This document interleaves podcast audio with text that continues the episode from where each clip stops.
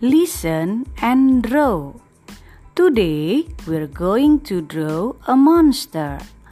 This monster has a name and his name is Billy Boom. Now, all you have to do is very easy. You have to listen carefully and draw what you hear. Are you ready? Here we go. Billy Boom has four big eyes. Billy Boom has a big mouth.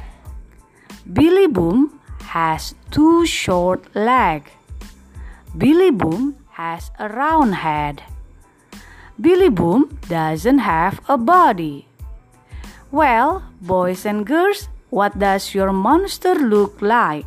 Share it with your friends in the group. Goodbye and see you.